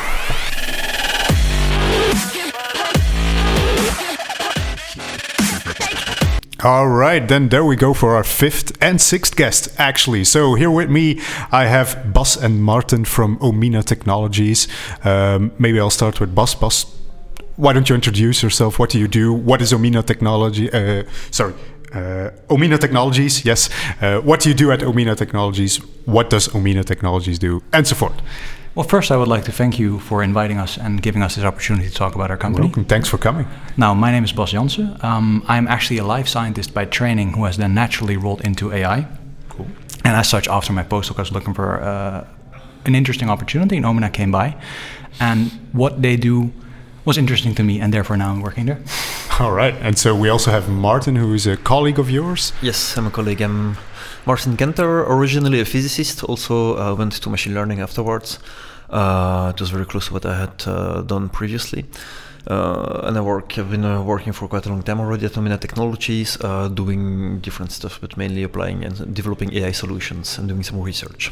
Okay, so if I understand correctly, Omina Technologies is somewhat similar to my own company, Brainjar, in the sense that you develop AI solutions for other customers. Is that correct?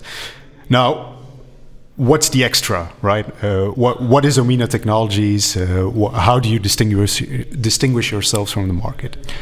when the company was founded, we already based it on the principle that ethics is very important. And what that means for us is that we want AI to be available to everyone. Okay. It doesn't matter if you're a big company or a small company, but there's more aspects to that than ethics. Also, when we train data, generally training data has a bias. We want our user to be intrinsically aware of the bias and force them to make a choice what do I want to do with my bias? Yep. So if you have in a demographic data you have more of nationality X, you have to choose what you want to do. You can ignore it, but then in the end we give a very big warning like look, you have still bias in your data, so take this result. Like your mileage may vary. Or you can somehow try to counter this bias by weighting or any other stra- uh, strategy you can do. Okay. So that's one part of it. Um, and another part, uh, part, because you brought up your company, the Brainjar, it's also a very nice company. I spoke to one of your colleagues downstairs. What we try to do is we have, when people come to our system, they can specify what it is they want to be done. But one of the key aspects is they can say, I want explainability more than performance. So you have these sliders with competing parameters, and then the system will take that into account. For instance, if I want a very explainable answer, which is especially relevant in the life sciences and the medical field, where if you suggest a treatment, you have to be able to explain a doctor or a judge later on if something goes wrong, why did I suggest this treatment? And that's where we tend to then shy away from neural nets. While they give maybe the best performance, they're just not as explainable. And we, coming back to the ethics part, think this explainability should be a basic human right, especially because it meshes really well with the European values. Now, uh, it's interesting that you uh, mentioned that um, data should be available even to small companies. This is something that we also believe in quite strongly. How, how do you see this sort of interplay between? Uh, so we, we've had a professor from the academics uh, on one hand. We've had uh, so we have the large tech companies. Uh, I don't have Google CEO sitting here right now explaining his side of the story, but so basically we have the small startups. we have the academic. Um, industry, well, uh, academia, let's call it like that. And then finally, you have the small startups. How, how do these three uh, parties interplay, uh, in your opinion? Or what role do these small startups uh, have to play? Maybe that's I think that one of the role that uh, we realize we have quite a lot compared to the bigger uh, players is that we tend to, to give attention also to the smaller companies that uh, that want to start with AI. Yep. Not every company has a lot of historical data. They don't always have a big budget to, to actually develop the solutions and do research on that.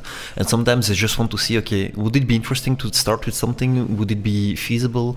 Can I have? Well, do I have the tools to start with that? And that's where we actually have the time well we, we, we give them the time we, we give them the, the opportunity to investigate possible solutions and see what, what, what they can do with ai in the first place All right. Yeah. So that is something that that we well, we noticed as well is that there is a very large space of companies that can benefit from AI, from machine learning, um, but are simply unaware of the possibilities. Uh, how do you approach this? So, do you organize trainings as well? Uh, do you how, how does your initial client contact go? We want to build relationship with customers rather than just supply them a solution. So what we tend to do is we offer academy, which is kind of like a one or a two day session depending on which sector we're targeting, Yep. where we take project leads, team managers, CIOs, CTOs, take your pick, and tell them roughly the very basics what they need to know to give them the tools and the knowledge to then progress further, Yep. so that they know what a classifier actually means or what a regression means. If we take the very simples, basics if they have then done this academy, we can actually also help them like, look, if you now want to progress with this, we offer you an assessment as well, where we come in a company, we look at what people you have, what skills they have, which department is best suited to try first your first AI project. We also then try to find a suitable use case that takes into account the skills they have and the processes they have. And parallel to that, we do a competitor screening and we prepare them a strategic roadmap. Because you cannot just come in a company and say, like, this is a use case and you're done with it. No, you have to build this relationship further. Yep. Now, hopefully, when they then adopt our strategic uh, road plan, they will take one of our consultants to help them set it up, do lateral knowledge transfer, because especially in our field, it's extremely important to knowledge transfer because the market is very dynamic. People go from one company to the other, and you don't want to somehow lose your entire business process once one of your staff leaves. and then, of course, the next thing, like when they like our consultancy, we want them to take on our AI product that I mentioned earlier. That's why I said this is a it's But you take them on a journey rather than just selling them a product. Uh, that's yeah, that uh, really hits the nail on it on its head, uh, I suppose, because there there is sort of the the gap between AI knowledge, which is sort of this general tool which can be applied in one way or another to all different uh, kinds of aspects of industries and stuff like that. And on the other hand, you have the domain knowledge and actually knowing what companies are working on and what they are working with, uh, and bringing these two together is is yeah a process that we have started to define more clearly over the years while we were working with AI. So we have sort of seen this uh, maturing of AI from I want AI, give me an AI project, which was pretty much the best case scenario when we were starting out. And these days, uh, if we have a client like that that just says, "I want something AI, please give me something AI, I don't care what," we will we will start to shy away from projects like that because that's not what we want. We want to have a more well-defined uh, business case before we start working on applications like that. So that's that's sort of the evolution I think that AI is going towards now. You mentioned that uh, you have been working with um, the ethics of artificial intelligence from the beginning. Uh, you must be either glad or somewhat annoyed that uh, this ethics has become, you know, one of the main aspects of research. Somewhat this year, I would say. Uh, the last few, well, last year we've seen quite a bit. Uh, I'm talking about, for example, IBM, who has released uh, the Fairness 360, Explainability 360, uh, completely open source. There has been a lot of attention on the ethics of artificial intelligence and the presence of bias um, and so forth. How do you see this evolution? Uh, are you like glad you're finally catching up, world, or or uh, is there still work to be done? There is still a lot of work to be done.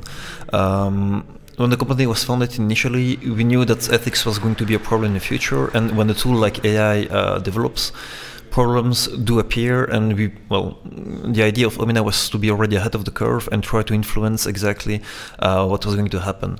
So we are already taking part in a lot of ai initiative around ethics to uh, develop the guidelines uh, both on the belgian and european level to actually not have just ethics as an interest as a marketing tool but also as uh, rules and as le- legislation basically to protect the customer. And the other side also that we see is actually the position of europe uh, on the global global market where it's going to be very difficult to compete with uh, China, for example, that has access to a lot of data and that does not care at all about the ethical uh, side, and with the US uh, with the amount of funding that they have. So yep. the only place where Europe can really make a difference is try to well to develop AI solutions that are, that are ethical and push towards that uh, well that side to make sure that uh, everything on the European market, at the very least, has to be uh, ethic, well ethic centered. Yep. Now, how would you respond? So let's just imagine I'm some hyper capitalistic CEO. Uh, you've just talked about ethical AI, and then I say, like, oh, wait, uh, so the rest of the world is not investing in AI ethics, and and they have more data, they have more money than us, and so you want us to slow down. Uh, they some people see working on AI ethics as as you know a break uh, on innovation. I don't. You probably don't agree, but uh, this is, you know, from a naive standpoint, one could conclude that if we already have some downsides compared to the rest of the world, why would we possibly, uh, why should we possibly invest in ethics if that means that we might run even further behind? You know, if we regulate our industry and the rest of the world doesn't, doesn't that put us at a disadvantage? It depends what you value. Mm-hmm. I mean, if you only value progress, maybe. But I believe that most of us in Europe agree that we want privacy, we want ethical use. So I would hope that most people are fine with maybe not having the ultimate best performing module, but that you still ha- are basically that you are the owner of your data, and that when we make a decision or a model makes a decision for you, I say decision, I should say rather recommendation, because we don't believe models should make decisions. But when a recommendation is made regarding you, that you have complete access to see why this choice was made. And I assume that Tom um, spoke earlier about this this legislation framework. That only when a legislation framework is in place. Um, let me rephrase that slightly. if legislation framework is in place with punishment for companies that break the rules, then being an ethical company from the start actually gives you a positive benefit in your development speed. Yeah. Actually, he talked about this when he came to our company in Strategy Day, so it was an interesting chat. Very nice person. yeah, so I, I, I would tend to agree, right? Uh, so don't don't get me wrong here. I, I believe that that regulations, especially in Europe, when we where we value things like privacy, where we value things like uh, under, well having understanding the decisions being made uh, about you, uh, which is sort of crucial, especially when we're talking about AI and government. Um, so we, we need to have some kind of legislative framework. Um, so the European Union is working on a set of guidelines, but as far as I know, these are still non-binding. Right, uh, we are not talking about punishing no, companies just yet. Do you feel that this is a necessary step that we still have to take uh, to make these kinds of agreements really binding in the European Union or to get everybody on board? Or is it something that we should strive towards getting companies to sign on to these legislations voluntarily? Is that even possible? Well, in the best case scenario, you would want them to sign on uh, those legislation voluntarily. However, there are always a couple of companies that do not want to do that. That's uh, and to be honest, I compare. Well, I want to compare the um, ethical guidelines on AI a little bit like the GDPR that has occurred a couple of years ago, and no one was really thinking about it and saying, okay, a lot of legislation is going to, to impede process uh, progress, and it's not going to be a good thing for for the industry. And then the Cambridge Analytica uh, scandal came out, and then every, so everyone realized that okay, there is not only a small issue, there can be a huge issue, yes. and it can have a huge impact on everyone's life. On uh, yeah. So th- there is definitely a necessity, and we don't want to wait for the problem to occur because we know that they're going to occur if nothing is done about it. Yeah. I, I think it's also quite interesting. There's this, uh, well, there's the, the famous Amazon scandal uh, that that was also this year, right? Yeah. Where they built an HR tool, an HR hiring tool, which turned out to be sexist or, or biased towards white male applicants, if I'm not mistaken.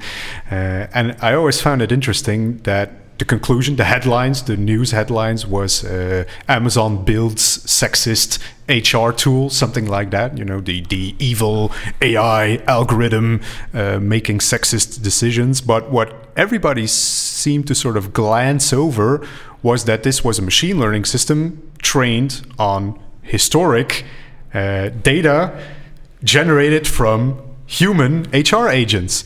So the real story here was actually Amazon had year long uh, sexist hiring practices, which were then translated into AI software. So I, I, I found it Im- immensely interesting to sort of. Uh, I see this more as, as a mirror, right? Uh, we build automation tools, and then suddenly we see that these automation tools are slightly sexist and racist, maybe. Uh, and our first instinct as humans is to blame the machines, right? These algorithms, they are so stupid, uh, they, they replicate sexist and uh, racist behavior. Well, it's actually inside us. Uh, these, these algorithms are completely, um, well, completely innocent in this aspect. So I see it as positive evolution, right? Using machine learning algorithms to make us aware of things like racism and sexism in our decision processes. So most people see AI systems as possibly, what should we call it, detrimental uh, to how we make our decisions because they could have hidden biases. Well, I believe that it's actually beneficial uh, because compared to human decision making, we can apply explainability techniques to machine decision making to make these sort of decisions more fair. Would you agree? There were a few things in your statement I want to tackle. You instantly or you correctly indicate the hidden biases in historical data. That's why I said earlier we want our system to be aware of the bias and then instantly tell the user there's a bias in your data. Uh, the Amazon thing, the historical data is interesting because historically maybe it was the case, but the problem with such a long time scale, because Amazon has been around now already, like they have probably, at least I assume they have evolved their hiring practices over mm-hmm. time, but yep. the history is still there. Uh, so as long as you have a system that is aware of these biases, and then, as you say, can rightly maybe face a mirror to the user, like, look, this is the bias in your training data. what do you want to do with it, then you force them to consciously think about that. And I agree that there there is an opportunity, but we just have to make sure that we always show these biases. Nothing should remain hidden. Yep. Okay. All right. So I would like to thank both of you uh, for coming to this podcast. I see we're uh, already out of time. And on to the next guest. Uh, Bas and Martin, thank you both for coming here. And uh, yeah, best of luck at Amina Technologies. Well, thank you for your time as well. Thank you very much.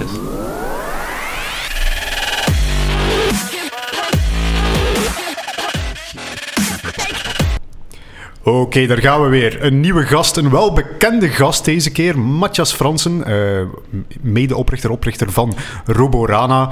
Um, ja, Matthias, eerst en vooral stel jezelf eens voor. Uh, en vertel misschien eens een woordje over Roborana. Wij, wij, wij kennen elkaar al, hè? dus wij, wij zijn elkaar al eens tegengekomen, zeg maar. Ja, goedemiddag uh, David. ik uh, denk inderdaad leuk om hier op jullie podcast uh, mij te komen voorstellen. Ja, wij zijn eigenlijk... Ah, ik ben twee jaar en een half geleden begonnen met een, de oprichting van Roborana. Dat is eigenlijk een, een robotics competence center. Um, wij focussen ons vooral op procesautomatisatie. En dan mede dankzij de technologie die dan uh, RPA genoemd wordt, hè, Robotics Process Automation. Um, we werken eigenlijk met toonaangevende marktleiders, uh, UiPath, uh, Automation Anywhere en Blue Prism. Mm -hmm. En wij, ja, we trainen natuurlijk jonge mensen die daar eigenlijk een technische, functionele achtergrond hebben om dan eigenlijk samen met onze klanten processen en manuele taken te gaan automatiseren. Ja, nu zoals gezegd, wij, wij, komen elkaar wel meer tegen. Want in principe zijn wij met twee verschillende technologieën bezig. De AI-wereld tegenover, tegenover RPA. Maar in feite zijn dat eigenlijk wel twee convergerende technologieën. Een beetje met hetzelfde einddoel. Automatisatie is daar denk ik wel het sleutelwoord in. Um, ja, AI en RPA, hoe zie je die relatie, Matthias? Nee, correct. Hè. Het zijn, ik, zie heel veel synergieën tussen de twee uh, technologieën. En ik, uh, ik heb al heel veel geleerd ook van, van jouw visie rond, rond AI. Ik kom eigenlijk meer vanuit een functionele achtergrond, waardoor ik eigenlijk niet de technische AI-guru ben. Um, maar natuurlijk, ik zie wel heel veel bij mijn klanten een soort van problematiek ontstaan. Hè. Ze willen eigenlijk processen gaan automatiseren, ze willen ergens een versnelling gaan hoger schakelen in hun in, in, hun processen, in het verwerken van data eigenlijk. En dan zie je eigenlijk dat er, dat toch al met een soort van technologie, waar dat er nog niet zo heel veel intelligentie aan te pas komt, toch een soort van versnelling kan uh, veroorzaakt worden bij het effectief het nabootsen van de acties door de gebruikers overheen verschillende applicaties. En wat zien we daar natuurlijk? Uh, hoe meer dat uh, die processen, die taken, die laaghangend fruit eigenlijk wordt geautomatiseerd, dat je dan eigenlijk meer op, op use cases botst die toch eigenlijk uh, een dataflow hebben die ongestructureerd is. Ja. Data die, die eigenlijk vanuit een e-mail komt, vanuit een werkorder, een bestelbon of dergelijke. En dat is toch heel moeilijk om te gaan, eerst te gaan interpreteren door een soort van software-robot en om die dan effectief in, in een procesflow mee te pakken om te gaan automatiseren. Dus wat dat we zien is eigenlijk dat we een, een soort van uh, nood hebben aan intelligentie binnen onze procestechnologie, waar we dat eigenlijk meer en beter kunnen gaan automatiseren. Um, die technologie, die RPA-technologie, is, is vrij gehyped de afgelopen jaren, uh, maar is ook constant in evolutie. Dus uh, het is een domein die eigenlijk heel nauw en, en, dicht bij de AI-domein uh, aan um, ja, aan, aan hurkt om, om dan op die manier heel veel te kunnen leren en eigenlijk van die technologie die eigenlijk dan gewoon in, implementeerd wordt binnen het RPA-platform. Ja. En de bedoeling is, en van die technologie is ook een beetje het AI naar de business te brengen. Zeker. Ik denk dat het uh, heel wat uh, bedrijven zijn die AI-goeroes zijn en AI-ninjas, zoals je het ook wil noemen. Uh, het is ook niet vaak de bedoeling dat de businessmensen die AI-ninjas worden, maar dat ze toch wel in aanraking kunnen komen met die AI-technologie. Ja. En daardoor is eigenlijk het RPA-platform een ideale ja, opstap naar eigenlijk meer doorgedreven automatisatie, gebruik maakte van machine learning of, of AI. Ja, ik, ik vat het zelf altijd samen van als we RPA en AI te samen nemen. Stel je voor de ideale digitale werknemer, uh, de virtuele werknemer, zeg maar. RPA, dat is de, de handen en de vingers, zeg maar. Uh, al het manuele werk dat moet worden uitgevoerd, terwijl dat AI toch nog het stukje verstand is, het, het, hogere redeneringsvermogen dat er soms toch nog eens aan te pas komt. Maar allee, we mogen daar zeker niet uh, het ene niet denigreren, want goh, er zijn nogal wat processen in, in, in onze, toch wel, waarvan dat wij denken, moderne uh, maatschappij, waarvan dat ik achterover val en denk van, wauw, wordt dat nog door een mens uitgevoerd, zeg maar. En dat, dat is precies waar RPA uh, momenteel op inpikt. Hè. Dat zijn die, die processen die, ja ja, absoluut. En, en het zijn eigenlijk die processen waar dat eigenlijk de dagdagelijkse ja, gebruikers binnen bedrijven eigenlijk mee te maken hebben. Hè? En, en je kan het niet zo... Je kan het eigenlijk niet, niet zot bedenken van, van welke processen dat er nog, nog zijn binnen bedrijven. uh, en, en uiteindelijk willen we allemaal de holy grail. We willen een heel efficiënt bedrijf gaan, gaan, uh, gaan maken. Uh, zelfs, als, zelf als managing partner zijnde wil je dat ook intern je administratie heel vlot en efficiënt verloopt. Maar je ziet eigenlijk dat de, de, de bedrijven eigenlijk constant blootstaan aan meer data, aan meer productiviteit en met, met minder of, of dezelfde aantal mensen uh, binnen hun bedrijf. Dus ze zoeken eigenlijk naar oplossingen binnen technologie. En RPA kan dan eigenlijk wel een, een, een toch wel een soelaas bieden. Toch een hele grote versnelling op een hele korte termijn. En, en dat is juist het tastbaar maken van die business case, van die value die ze er eigenlijk voor terugcreëren waardoor dat eigenlijk RPA ongelooflijk, uh, ja, toch wel uh, booming is momenteel. Um, en en ik, daarom, ik denk, ik denk dat er heel veel toekomst is. Uh, en het zal altijd blijven een toekomst zijn als het inderdaad simpel genoeg gemaakt wordt voor eigenlijk de gewone mens om het dan eigenlijk te gaan implementeren binnen, binnen de organisatie. Ja, dus, en ook wel een evolutie die we zien binnen de RPA-tools, zoals dat je zelf al aangegeven hebt, is dat, dat die intelligentie, die artificiële intelligentie, daar ook steeds meer wordt in ingebouwd. Uh, dus dat we, dat, we de drempel aan het verlagen zijn voor sommige van die AI-technologieën. Nu, ik, ik zeg ook altijd vaak van uh, de, de die heeft eigenlijk de gemakkelijkste job ter wereld. Uh, die, die kan wijzen naar een proces, die kan zeggen van kijk, daar stikt jij nu zoveel uur per dag in en we kunnen dat uh, gaan reduceren tot praktisch niets. En dan, dan ben ik natuurlijk eigenlijk de, de moeilijkste job ter wereld in de wereld van de machine learning, waarin dat ik eigenlijk moet zeggen van ja, kijk, geef ons data en wij gaan daar misschien een applicatie voor kunnen gaan bouwen die dat, die dat kan gaan vervangen, maar ik kan u ook geen garanties geven. dat, is dan, dat is dan een beetje ja, het contrast tussen onze beide businessen uh, natuurlijk. Nu, anderzijds, ja, mogen ook wel niet klagen. Zowel AI als RPA zijn, zijn de laatste jaren enorm, enorm ontwikkeld. Uh, ik denk bijvoorbeeld binnen RPA de typische use case. Ik denk dat als er hier uh, KMO uh, CEO's aan het luisteren zijn. Uh, het typische proces van we geven een paar cijfers in in een of ander mythisch Excel-document die tien jaar geleden is opgesteld en op basis daarvan wordt een beslissing genomen en daar gaan we dan verder mee. Dat, dat zijn het soort processen waar, waar dat jullie eigenlijk vanaf willen, zeg maar. Ja, en, en, en, dat zijn eigenlijk de soort processen waar dat we uh, vaak mee beginnen. Hè. Dat mm. zijn die kleine uh, quick wins waar dat we dan eigenlijk over spreken.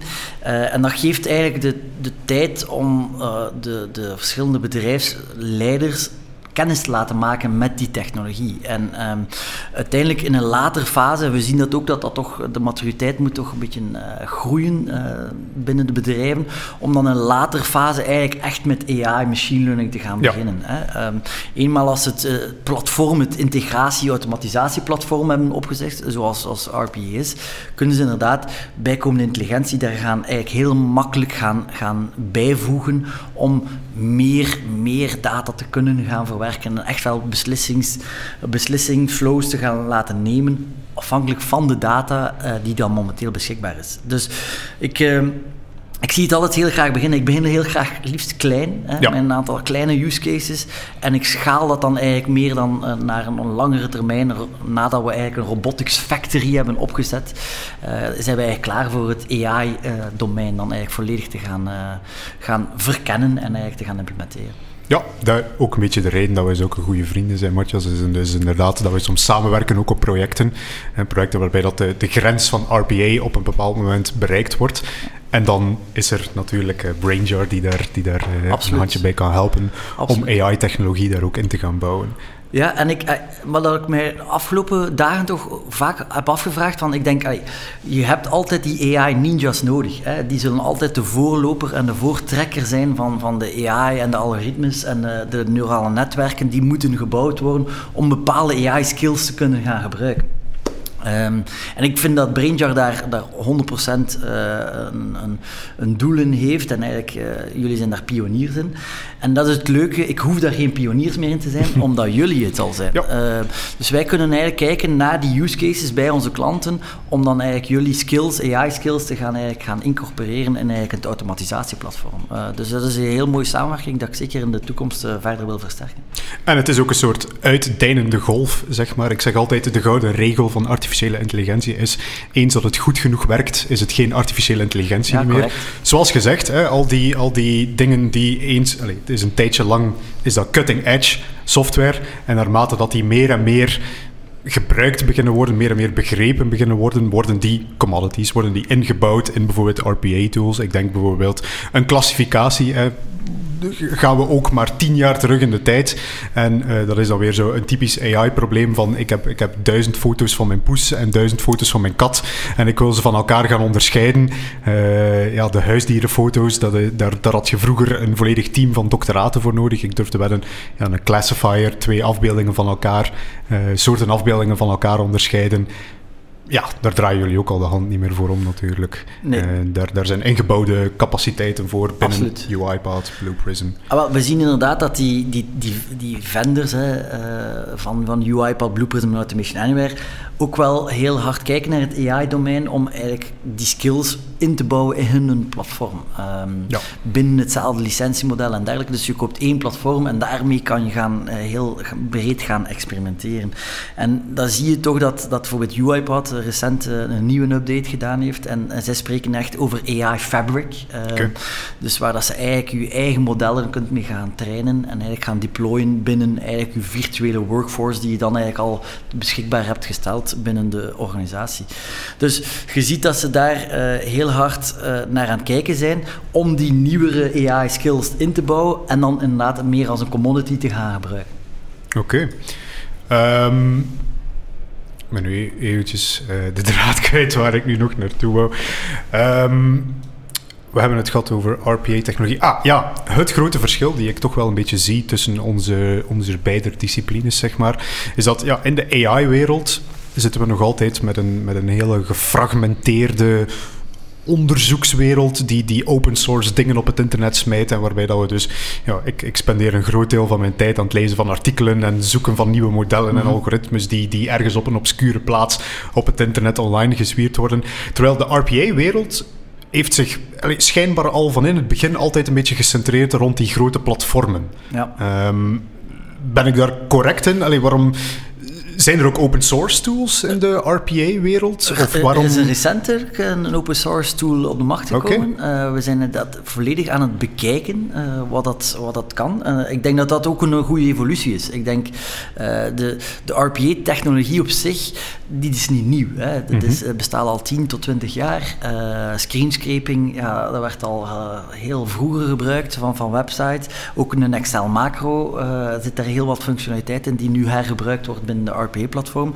Maar we zien nu ook recentelijk, gisteren is er nog weer opnieuw uh, een nieuwe ja, lancering gebeurd van, van Microsoft. Hè. Uh, Microsoft Flow, die dan eigenlijk Power Automate is geworden. Uh, je krijgt dat ook allemaal direct bij als je bijvoorbeeld een Office 365-account hebt. Mhm. Dus ze proberen, de grote spelers proberen effectief die, die, ehm, die platformen die wel nog in evolutie zijn. Hè. Het wordt altijd maar beter en sterker en meer en dergelijke.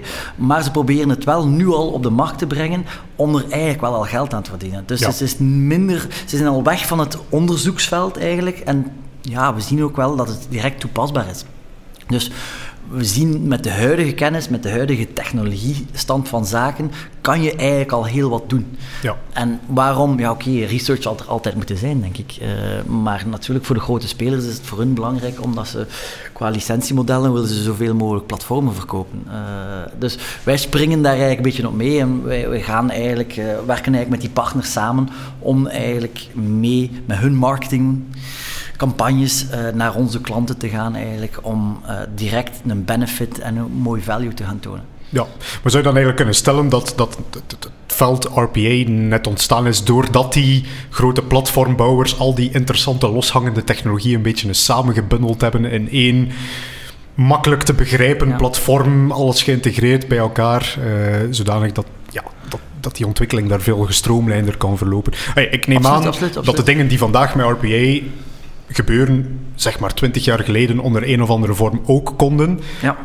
Maar dan veel complexer en Ja. met, met veel gespecialiseerder, opgeleider personeel, ge- Ja, personeel dan dat je vandaag de dag nodig hebt. Ja, absoluut. absoluut. En, en het is, de grote versnelling is gebeurd twee, drie jaar geleden binnen het RPA-vlak. Waar, waaronder dat ze eigenlijk alles samengebracht hebben in één platform. Zodat de businessgebruiker eigenlijk niet meer moet gaan zoeken, oké, wat is nu de beste oplossing? Of wat is nu de beste of meest laatste technologie die we kunnen gaan toepassen en dergelijke? Nee, het zit in dat platform die heel gemakkelijk toepasbaar eh, of ja, beschikbaar gemaakt wordt naar, naar de klanten toe. Dus dat zie je, hè, het moet, moet rap gaan. De resultaten moeten rap komen. Ehm, de, de, de business is ongeduldig. En ik denk, ehm, als we altijd moeten wachten tot het laatste nieuws en de, de nieuwste trends volgen, denk ik, ik denk dat business, eh, grote bedrijven, hebben daar ook niet altijd tijd voor eh, om dat te doen. En ook niet altijd de mensen om dat te Ja. doen.